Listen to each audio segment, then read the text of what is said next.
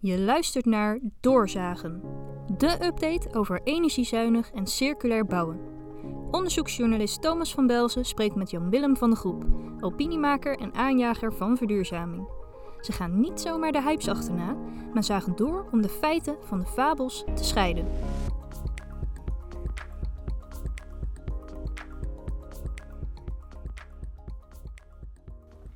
Prijzen, prijzen, prijzen. Uh, dames en heren, welkom bij Doorzagen aflevering 10. En ik denk, het is een gekkenhuis in de markt, uh, op de markt, Jan-Willem. Ja, ik uh, hoor ook de meest wilde verhalen voorbij komen over de stijging van, van prijzen. Ik heb een lijstje van de aannemer die bij mij aan het timmer is. En die krijgt uh, die lijstjes dan rechtstreeks door van de groothandel. Hè? Dus die zegt, dan moet je, moet, je nou, moet je nou toch eens zien, Thomas. Dus ik heb dat lijstje. Vurenhout. Gemiddeld stijgt dat met 20%. Hardhout tussen de 5 en 10%. Western Red Cedar tussen de 10 en 20% uh, prijsstijging. Underlayment, ik weet niet wat dat is, 10 en 25%.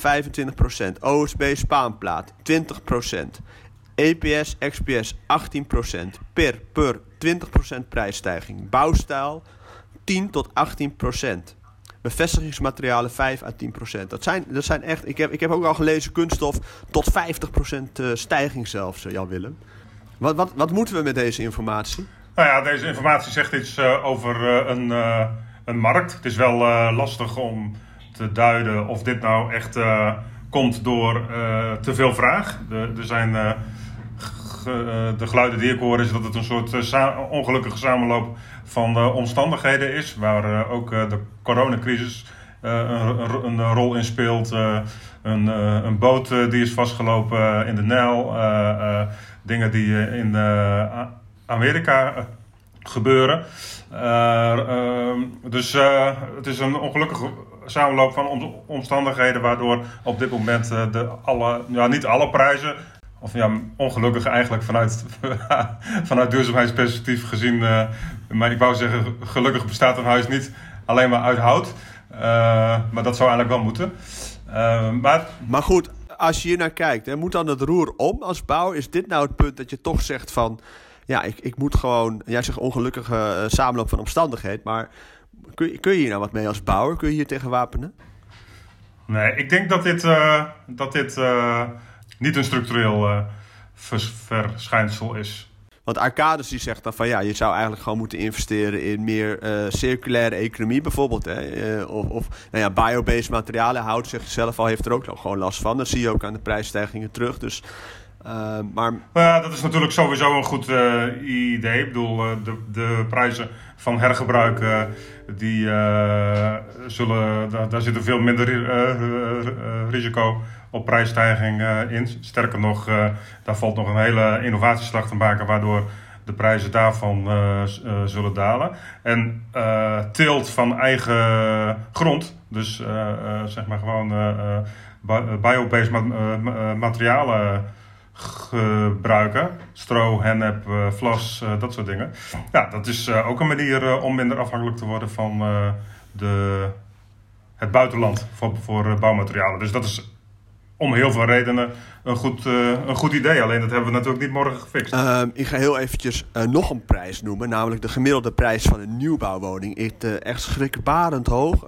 Ik, ik, ik, ik, pak even een stuk van Jan Smit erbij. Een correspondent van, van Cobouw. En hij schrijft een stuk over... kan een lagere uh, grondprijs eigenlijk de woningbouw helpen versnellen. En hij noemt daarin de prijs van een gemiddelde nieuwbouwwoning van 421.000 euro. 421.000 euro. Schrik je daarvan, uh, Jan-Willem?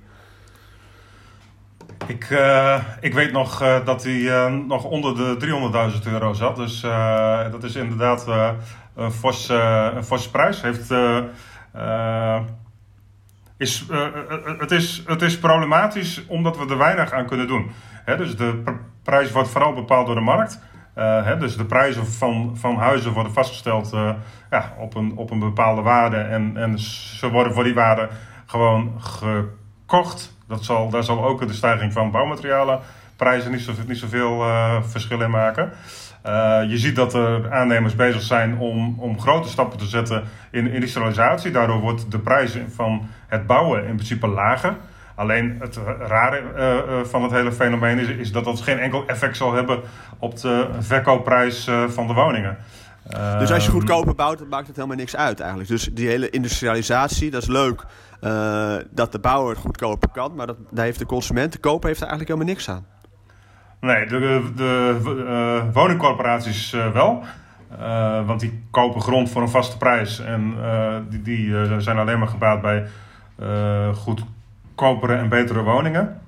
Maar omdat we grond vaak doen op basis van residuele waarde. Hè, dus de verkoopprijs van de woning minus de bouwkosten. Dat is de waarde van de grond. En dat is wat de grondeigenaar beurt. Hè, dus dus eigenlijk als, als, als de prijs omlaag gaat van de woning, de bouwkosten omlaag gaat, dan houdt de ontwikkelaar of degene die de grond in handen houdt, houdt er meer aan over. Ja, ja, over het algemeen vaak is dat de gemeente. Dus uh, het is ook niet uh, dat dat geld zomaar weg is. Want dat, als het heel veel winst oplevert, dan gaat dat uh, naar de algemene reserve. Dus daar heeft dan de hele, hele gemeente weer wat aan. Maar je, uh, zeker grondspeculanten, hè, dus die, die uh, in, in ontwikkelgebieden, uitleggebieden, kleine stukjes grond kopen en dan onderdeel zijn van zo'n ja, ontwikkeling, ja, die, die worden daar wel niet, niet, niet slechter van, laat ik het zo maar zeggen. Jij hebt wel eens aangedrongen op een heel ander uh, grondbeleid eigenlijk. Hè? Het is volgens mij een hele actuele discussie ook. En dat hebben ze ook wel vaker geprobeerd. En als ik dat stuk van Jan Smit lees, dan is er eigenlijk heel weinig mogelijk. Want uh, je hebt al heel gauw te maken met Europese regelgeving en gemeenten die zich daaraan moeten houden. En voor je het weet uh, is het staatssteun, dat soort zaken. Ehm, wat zou je wel kunnen doen, denk je? Nou ja, kijk, ik denk... maar goed, dat gaat echt heel rigoureus. Want je zou eigenlijk grond... ik vind persoonlijk dat grond uh, uh, gewoon gemeenschappelijk uh, bezit zou moeten zijn van de samenleving. Maar dat is het natuurlijk niet. Maar dat is het niet. Nee, dat is het niet. Dus het is nu een, een, een, een, een mogelijkheid om mee te speculeren. Je moet, aan de andere kant moet ik ook wel even zeggen, je loopt, er zijn ook wel gemeentes die natuurlijk ontzettende risico's hebben gelopen met grondexploitaties en ook heel veel, er zijn wethouders opgevallen omdat de afdeling grond flinke verliezen geleden hebben in het uh, verleden. Dus uh, het gebeurt ook wel in, andersom. Maar als de markt booming is, dan verdient het grondbedrijf bakken met geld. Als je zegt van we klikken de, de waarde van grond gewoon vast in het, in het land. Daarmee wordt het als het ware geniveleerd en, en, en, en wordt de prijs bepaald door de kosten die je kwijt bent om het bouwrijp uh, te maken, dan uh, heb je volgens mij al een hele andere wereld. Maar daar is weer het nadeel van dat als er iets misgaat in die ontwikkeling en dat duurt veel langer voordat die grond uitgegeven gaat worden, dat er weer hele grote verschillen staan, ontstaan in gemeentes voor wat betreft de grondprijzen. Dus ja, het is best een lastige Materia, taaie materie, hè? Dat, dat, lees je ook weer terug. En we, denken hier al honderd jaar over na. Bij de, bij de commissie kost het koper. Hè? Ja, precies. Daar wou ik even aan uh, refereren. Dat is in 2013 geweest of zo, hè? 2012, weet je dat nog? En, ja, ja, zeker. En eigenlijk gaat het toch in de Tweede Kamer nu helemaal niet meer over grond. Hè? En dat hele rapport destijds, daar hebben we niet heel veel eh, mee uh, gedaan. Het is misschien toch de hoogste tijd om dat weer eens af te stoffen en te kijken of er of, of, nou ja, vooral de leennormen zijn aangescherpt. En, en dat, is zo'n beetje, uh, dat was het zo'n beetje. Er is heel lang stilgestaan ook wel bij die residuele grondwaardepolitiek en zo. Maar ja, uiteindelijk uh, bleef iedereen toch een beetje in de polder hangen. Hè? Van, nou ja, uh, er is niks beters. Dit, dit is best of the rest. En laten we hiermee doorgaan. Laten we even luisteren naar Ronald Rovers. elke twee weken heeft hij een doorzaagmomentje. En deze keer gaat het over de vergeten groenten van de bouw. Heeft u ze ook al besteld? De strobox. Dat klinkt als de versbox of groentebox. U weet wel, van boer naar voer, of hoe noemen we dat? De korte keten in ieder geval. Dat kan dus ook met bouwen, met een bakje met stro. Ik kende al wel Strotec en EcoCocon, maar deze nog niet. Weer een teken dat biobased bouwen van de grond komt, letterlijk en figuurlijk. We hadden het natuurlijk kunnen weten. Iedere kerst tuigden we de kerst alweer op met zo'n bakje met stro. En was Jozef geen timmerman? Nou dan, die innovatie lag voor het oprapen. Maar we gaan het nu eindelijk doen. Maar dan goed, als prefab houten elementen met geperst stro als isolatiemateriaal. Veel beter wordt het niet, ook niet voor de boeren. Die weten al jaren dat ze moeten veranderen, maar konden of wilden niet. Er lijkt nu schot in te komen. Het staat hoog op de agenda voor een nieuw kabinet. En afgelopen week was er een grote coalitie onder leiding van Veerman en Vet. Die kunnen dus nog iets aan het lijstje toevoegen. Grootschalig boeren voor de bouw, met onder vlas, hennep, hout, stro, lisdodden. Het zijn de vergeten groenten van de bouw. De Gideonsbende kan ook aan de slag. Er ligt nog een hele marketingwereld open. Straks heb je naast boerschappen ook bouwschappen en naast boeren voor buren ook boeren voor bouwers. En wat dacht u van beschermde streekproducten? Zelfs in de bouw. Gelderse hennep, Fries stamboekvlas, Deventer strooboksen. Ook in de bouw krijgt de korte keten dus vorm met de nieuwe slogan van boer naar bouw. Let op mijn woorden, dat gaat het helemaal worden de komende jaren. Um, nou ja, en dat brengt mij dan weer bij de vleermuisaanpak van de stroomversnelling. Um, nou ja, die is nu uh, afgekeurd eigenlijk door de Raad van State. Hè. Ze hadden eigenlijk een soort gedragscode waarmee je eigenlijk uh, natuurbeschermingswetgeving uh, kunt omzeilen. Dat scheelt gewoon weken, misschien wel maanden in de procedure. Hè. Ja. Um, en, en, nu zegt de Raad van State van dit is niet de juiste manier, waardoor honderden NOM-renovaties ja, op de lange baan komen te staan. Ja, niet alleen NOM-renovaties, het geldt voor alle renovaties waar iets aan de buitenkant gebeurt. Dus ook dakrenovaties uh, zullen. Uh, hè, dus ja, eigenlijk alle type re uh, renovaties hebben daar last van. Ehm, ja, ik, ik, ik vind het bijzonder jammer. Ik denk dat degenen die de zaak aangespannen hebben, juist het omgekeerde bereiken van wat ze willen bereiken. Want de woningen, het, het, is niet zozeer dat je de, wat, wat jij zei, dat de wet omzeild wordt. Maar uh, er is gewoon iets slims uh, bedacht, waardoor je uh, een aantal procedures niet hoeft te doen. Hè? Dus als jij ervoor zorgt dat gewoon standaard voor vleermuizen, zwaluw, hoe heet ze, de, de mussen, mussen nou ja, voor alle handen fauna. Vogels. ja, maar zeg maar even fauna in de meest brede zin, want vleermuizen zijn geen vogels. Maar, hè, dus dat je daar voorzieningen voor aanbrengt waardoor ja, er altijd mogelijkheden zijn voor al die, die uh, type dieren om zich uh, in en om het huis te vestigen. Dan uh, is dat volgens mij altijd beter dan dat er niks gebeurt. Want het zou ook kunnen zijn dat als je na een onderzoek blijkt dat er helemaal geen voorzieningen nodig zijn, ja, dan, dan hoeft het. Gebeurt het dus ook dan gebeurt er helemaal niks. Hè? Dus ik, ik, ik vond dit eerlijk gezegd eh, een hele charmante oplossing. Voor, nee, oké, uh, want bij elke stroomversnellingsrenovatie of renovatie komt dan uh, een vleermuiskastje te hangen of zoiets dergelijks. Nou, het is allemaal bouwkundig uh, geïntegreerd. Dus al die aanbieders hebben nagedacht over van hoe kan ik dat nou zo slim mogelijk in mijn gevel of in mijn dak integreren. En ja, dan zie je van die hele kleine gaatjes in de muur zitten en daarachter zit dan echt een hele serieuze nestkast of vleermuis. Uh, het is toch weer een, dom, een domper voor de koplopers hè, die echt investeren in die renovaties. We hadden eerder al uh, de renovatie versnellen. Vorige keer Margriet uh, Drijven die haar afscheid aankondigde, eigenlijk indoorzagen. Nou, ze heeft ook flink uitgepakt in Cobouw. Echt gehakt gemaakt eigenlijk van die renovatie versnellen waar ze zelf boegbeeld van was. Overigens viel de kritiek niet bij iedereen in goede aarde. wat ze kort gezegd zegt is, ja, de brancheverenigingen helpen goede regelingen om zeep. Weet je wel, waar koplopers eigenlijk helemaal niks mm -hmm. aan hebben. Waar de innovatie in Nederland helemaal niks aan heeft. En en, en de kritische corporatiedirecteur die zegt dan... Ja, dat is allemaal leuk, Margriet, maar jij was het boegbeeld. Jij had het misschien wel uh, moeten waarmaken. ja, nou ja, het was natuurlijk bij voorbaat toen ze begon uh, al een kansro- kansloze regeling. Ik heb maar waarom mij... begeer je dan aan? Hè? Ik bedoel, dat kun je natuurlijk wel als advocaat van de duivel ook zeggen. Waarom begeer je eraan als je ziet dat het kansloos is? Ja, ja. ja dat is een goede vraag. Ik bedoel, er zijn genoeg geluiden geweest dat dit niet het middel is om voor elkaar te krijgen wat voor elkaar gekregen zou moeten worden. Dus ja, nou goed, ik, ik, ik vind dat lastig. Ik kan, ik kan niet, ik ga geen waardeoordeel geven of Margriet nou wel of niet dit had moeten gaan, gaan Oké, okay, laten we het laten we dan over de regeling hebben. Want de renovatieversteller, het is dus mislukt. Waardoor er dus uh, afgelopen jaar 20 miljoen euro is blijven liggen uh, voor renovatie. Minister zegt dat, dat geld blijft er gewoon. Maar ja, welke status heeft de minister op dit moment? Uh, demissionair en, en het nieuwe kabinet moet nog worden geformeerd. Eh, en ehm, het is overwegend rechts wat, wat we in Nederland op dit moment hebben. En ik heb het debat over klimaatverandering, klimaatakkoord en de gebouwde omgeving beluisterd, grotendeels. En ja, daar hoor ik heel veel partijen echt heel erg kritisch zijn over die verduurzaming van de gebouwde omgeving. Het is te duur.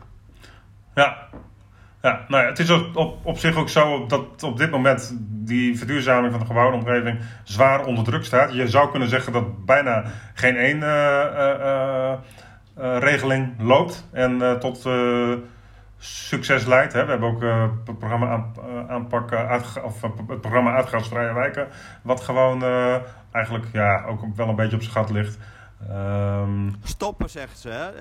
het werkt niet. Ja, zegt de minister, laten we nog een derde tranche beginnen. Ja, ze proberen het allemaal nog wel, maar ja, het is gewoon nee, inderdaad... Ik denk, ik denk dat we uit een ander vaatje moeten gaan, ja, maar uit welke dan? Want we hebben best wel veel vaatjes ja, open Weet je, het, het, misschien moeten we wel... Het speelveld en de spelers is nu altijd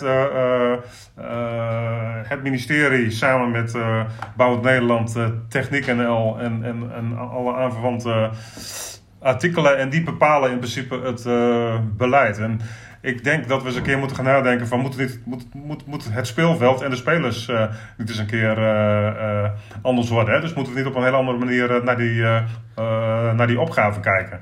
En dan heb je voor een deel die koplopers nodig. Maar ook voor een deel misschien wel helemaal partijen die nog nauwelijks een rol gespeeld uh, in uh, Maar, wie, maar wie, moet er dan, wie moet zich dan aangesproken voelen? Want uh, kijk, bij Binnenlandse Zaken hebben ze zoiets van... ja, Bouw Nederland vertegenwoordigt verder, verderweg het grootste deel van die bouwsector eigenlijk.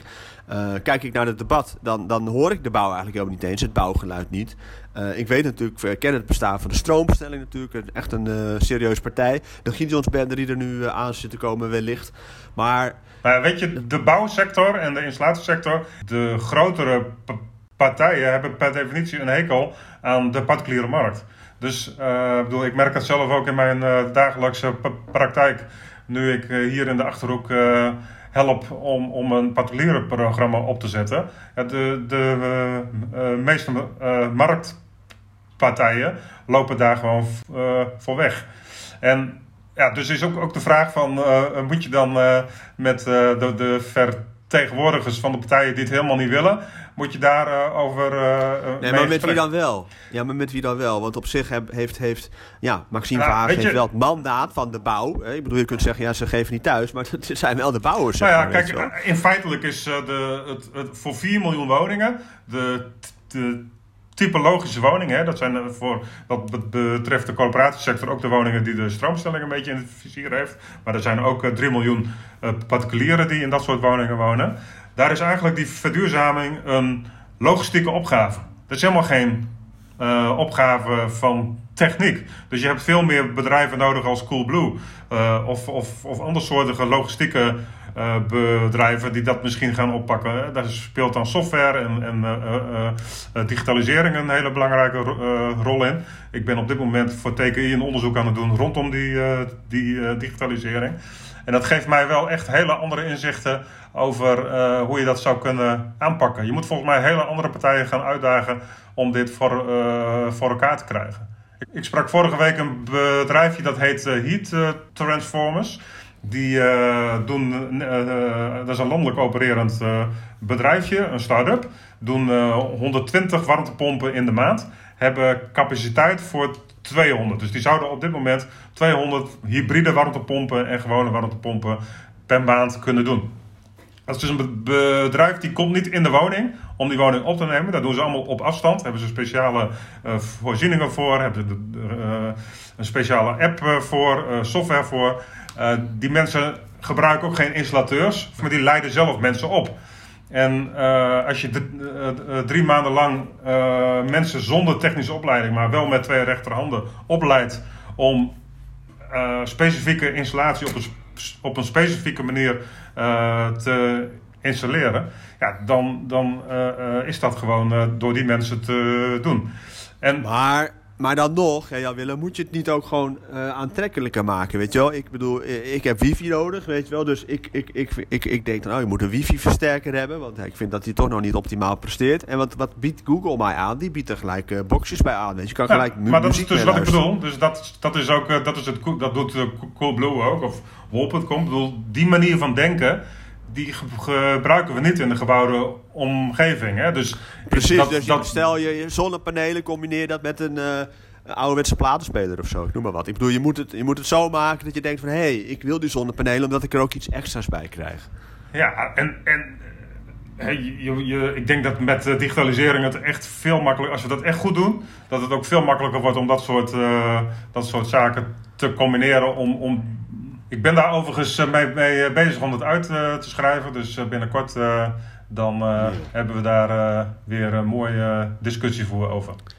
Maar, maar heb je dan de overheid nog wel nodig dan? Ik bedoel, moet de overheid dan wel wat doen? Of moet de overheid zich juist vooral niet mee bemoeien? Dat kan natuurlijk ook. Natuurlijk, uh, kijk, zonder overheid lukt het zeker niet. Want die moeten wel die condities creëren dat ook dit soort bedrijven kunnen ontstaan. Ze bestaan nog niet, dus moeten we ze misschien wel helpen ontstaan. En moet je dus ook hier weer echt kijken naar de ontwikkeling van de markt. Dus hoe, hoe stimuleer je deze marktontwikkeling? en niet, dat begint dus niet bij de vraagkant. Want uh, er is op dit moment niemand die op, op uh, deze manier uh, een vraag stelt aan partijen. Dus zul je markt moeten stimuleren. Dat was natuurlijk ook de renovatieversneller, ook markt stimuleren. Maar ja, toch weer op een foute manier. Dus als je het gaat doen, ja, dan vraagt het ook wel om enige kunde over die markt om daar een goed programma voor te bedenken. Ja, maar je moet ook misschien lef hebben als overheid door te zeggen... ja jongens, weet je, misschien dat niet de hele markt op dit moment kan profiteren... maar wij geven een aantal koplopers de gelegenheid om zeg maar door te ontwikkelen... Ja, waar tuurlijk. uiteindelijk de hele markt aan zich kan optrekken. Maar dat vereist dus wel moed en... Ja, dat is ook dat, precies, dat was ook het hele idee achter, achter de, re, de renovatie ja, snellen. Okay. Die, ja, oké, die... maar het idee, het idee is altijd wel goed, weet ja, je wel. zeker. Dat zie ik wel vaker. Ik bij, bij, zeggen, bij, niet alleen... ik zou zeggen het, Briljant. het maar, idee nee, maar, achter de, de stroomsnellen aan zich, de basis, ja, die was natuurlijk. Uh, Nee, maar in Den Haag begint het altijd met goede ideeën. Dus altijd van iemand die zegt, we moeten dit doen. En dan gaan maar vervolgens gaan ze de polder in. Ja, en dan eindigt ja, het zwak. Ja, en dat, dus, dat bedoel ja, ik dus, dus. je moet die energietransitie moet je oplossen. Uh, zonder, de polder, uh, zonder de polder in te gaan bij brancheorganisaties. Die moet je volgens mij oplossen door de polder in te gaan bij... Ja, maar ja, maar in plaats van dat er nu een beetje rust is in Den Haag, is het gewoon één grote chaos. Weet je wel, je weet het, chaos, dan gaan mensen toch gekke dingen doen. Weet je wel, dus nou ja, dat, dat, ik, ik ben benieuwd hoe dat ja, gaat de komende haal, tijd. Haal toch echt eens een keer de koplopers, de echte koplopers bij elkaar en ga met hun eens uh, uh, vragen, aan hun eens vragen van hoe, hoe zou zo'n regeling, zo'n uh, renovatieversneller, nou niet beter voor jullie kunnen werken? Ja, maar dat hebben ze nu ook zelfs gedaan. En de stroomstelling is ook een paar keer langs geweest door te vertellen... jongens, dit is niet de goede kant op. Vooruit. Uh, jullie halen die koplopers bij elkaar, de Gideons bende. Uh, hoe gaat het daarmee, Jan-Willem? Ja, die gaat... die, is, die, is, die is bezig. je, moet het, je moet het zo zien... maar mee!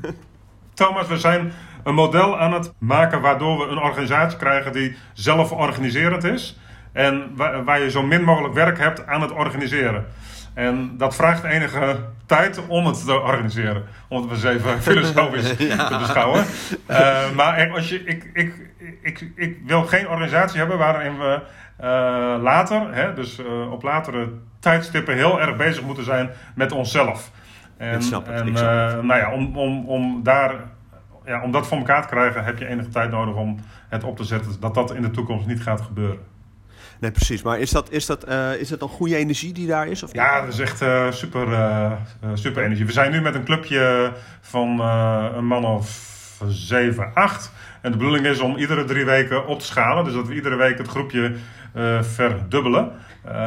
en dat we dan over een maand of drie met een flinke basisgroep zijn. En eigenlijk ja, alle themateams die we hebben ook zijn gevuld met mensen.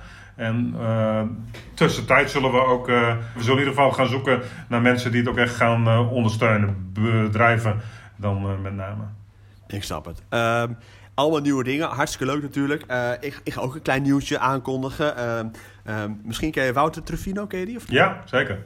Nou, Kobo gaat samen iets doen met Wouter Trufino. Dan zou je zeggen, hè, wat een oneigenlijke combinatie. Maar ze gaan echt iets doen. Volgens mij komt er een leuk programma aan. Ik mag ook een onderdeel daarvan doen. En het komt er eigenlijk uh, kortweg op neer dat als er een probleem is in de bouw... dat ik ga kijken of ik dat probleem uh, kan oplossen met degene die daarover gaan. Dus wellicht heeft de Gideonsband af en toe wel wat probleempjes voor me die ik kan oplossen. Of uh, jij thuis op de bank denkt van... hé, hey, dat probleem loop ik vaak tegenaan in de bouw. Kan Thomas niet op pad? Ik ga dan met een camera op pad. En ik hoop met een elektrische bus het land door. En dan ga ik dingen echt proberen te fixen. Um, nog iets anders. Het gezondste huis van Nederland. Heb jij er al van gehoord, Jan-Willem, of niet? Ja, heb ik uh, gehoord. Dat is, ga je samen met uh, het woonlab uh, van, van TBI doen, hè? Ja, dat klopt. Het TBI die stelt 10 uh, sensoren beschikbaar. Die meten onder meer fijnstof, temperatuur, lucht, vochtigheid. En uh, die willen we eigenlijk in 10 verschillende woonkamers hangen. Hè? Of het nou een gerenoveerde woonkamer is, of een biobased woonkamer, of een woonkamer van een nieuwe woning. En dan willen we eind van het jaar willen we gaan kijken van hey, welke woning is nou eigenlijk het gezondst. Um, nou ja, het moet nog even op gang komen. Ik denk dat mensen ook nog wel een beetje bang zijn om mee te doen. Maar na dit weekend hebben we in ieder geval drie uh, partijen die hebben zich aangemeld. Nee, vier. En, en Patrick Schreven die wil er eigenlijk gelijk tien hebben. Maar goed, uh, dat kan dan weer niet. uh, wil jij er ook eentje voor jouw huis? moedig ze ook aan, Jan Willem. ook op social media. stuur mij dan een mailtje. Dat kan naar Thomas van Belsen, apenstaartje vakmedianet.nl. En wie weet roepen we jouw woning volgend jaar in maart dan wel uit tot de meest gezonde woning van Nederland. Um, ja, die 421.000 euro. Ik vind dat echt een hoop geld, Jan Willem. Ik ook. Ja. 421.000. Wat kunnen we daar nu aan doen? Nou ja, aan de andere kant is het wel zo, Thomas, dat uh, de bestaande huizen op dezelfde manier uh, uh, meegroeien. Dus ik weet niet of, of het aan de bouwerskant opgelost gaat worden. Nee, dat denk ik ook niet. Maar, maar, maar wat dan wel? Want ik bedoel, dit is toch eigenlijk krankzinnig. Weet je? Ik, heb, ik heb een woning, hè? ik heb een koopwoning. Dus ja, ik lach me, lach me gierend rot, bij wijze van spreken. Uh, ja. Want zelfs als je er niks aan doet, ik verbouw hem helemaal, maar zelfs als je er niks aan doet, dan ben je nog steeds spekkoper, weet je wel. Maar het is toch een kronkel in het systeem. Uh, nou ja, daar moeten we misschien nog maar eens een keer op terugkomen. Misschien moeten we econoom uh, Bouwman uh, maar eens vragen in de podcast om daar zijn licht op te werpen. Nou, dat is een hartstikke goed idee. Nou Willem, ik zou zeggen, maak er een hele mooie week van. Nou ja, morgen is dan Koningsdag. en als jullie vrijdag luisteren, dan was het dinsdag Koningsdag. Wat heb jij op Koningsdag gedaan? ik heb gewoon afspraken in mijn agenda staan, dus ik, uh, ik ga niks bijzonders doen. Leven de koning, hoera, hoera, hoera. Bedankt, bedankt voor het luisteren. Hey, ik spreek je, bye bye. Fijne week, hoi hoi. Dit was Doorzagen. Wil je nou meer weten over energiezuinig en circulair bouwen? Ga dan naar cobouw.nl.